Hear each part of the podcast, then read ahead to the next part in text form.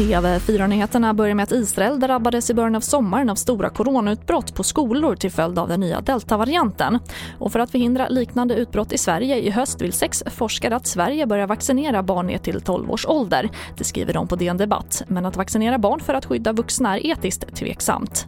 Varför man vill vaccinera mot eh, corona är att försöka hjälpa till samhällsspridningen som i sin tur kan leda till nya varianter. Så, det, så jag förstår tänket men, men eh, det etiska perspektivet är just där. Vaccinet är inte för barnens skull, det är mer för samhällets skull. Och det sa Ali Mirazimi, virusforskare på KI. Och moderatledaren Ulf Kristersson säger idag att Centern gjort ett historiskt dåligt vägval som valt att släppa fram Stefan Löfven som statsminister. Ett beslut Kristersson inte begriper.